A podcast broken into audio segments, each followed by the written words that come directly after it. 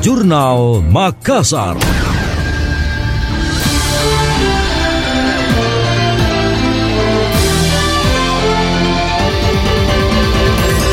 Menteri Perhubungan Budi Karya Sumadi baru-baru ini meresmikan pengoperasian sarana dan prasarana perkeretaapian Makassar Parepare segmen baru Pangkep Maros di depo kereta api Balai Pengelola Kereta Api Sulawesi Selatan. Segmen baru Pangkep Maros yang diluncurkan yakni rute sepanjang 80 km melintasi 9 stasiun dan 16 wisata alam. Adapun stasiun yang dilintasi yakni Stasiun Maros, Stasiun Ramang-Ramang, Stasiun Pangkat Jene, Stasiun Labakang, Stasiun Maarang, Stasiun Mandale, Stasiun Tane Terilau, Stasiun Baru, dan Stasiun Garongkong.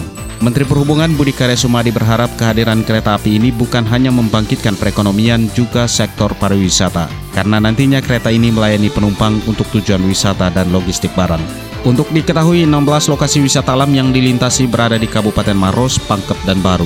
Di Kabupaten Maros, wisata alam yang akan dilalui kereta api di antaranya Pantai Tak Berombak, Wisata Alam Mengambang, Air Terjun Bantimurung, Kampung Kars Ramang-Ramang, Taman Arkeologi Liang-Liang, dan Danau Toa Kala. Di Kabupaten Pangkep, kereta api akan melewati 6 lokasi wisata alam, yakni Tonasapap, Danau Hijau Baloci, Taman Purbakala Sumpang Bita, Hutan Mangrove Dewi Biringkasi, Telaga Biru Segeri, dan Wisata Alam Sorongan. Sementara di Kabupaten Baru, kereta api melintasi empat wisata alam yakni wisata alam Pantai Laguna, Lapa Launa, Anjungan Sumpang Binangae, dan Pantai Ujung Batu. PT Pal Indonesia Tbk bersama Sehiang Huayu Kobatko Ltd atau Huyu melaksanakan groundbreaking sebagai tanda dimulainya pengembangan proyek Blok Pomala di Kabupaten Kolaka, Sulawesi Tenggara. Proyek ini akan beroperasi di bawah naungan PT Kolaka Nikel Indonesia atau KNI.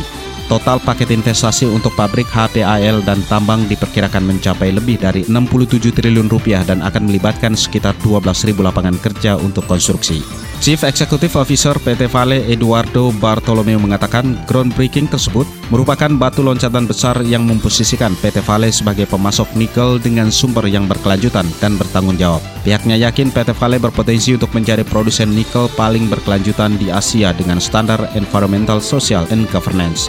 Sementara Febriani Edi, CEO PT Vale mengatakan pihaknya bangga dapat memulai pengembangan Blok Pomala. Proyek tersebut akan menjadi bagian penting dari upaya Indonesia untuk mempercepat hilirisasi industri nikel.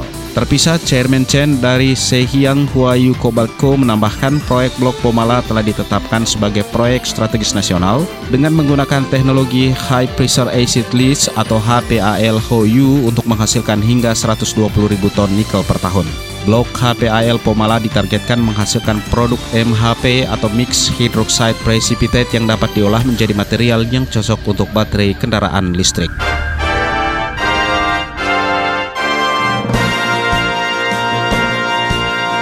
Demikian tadi, Jurnal Makassar.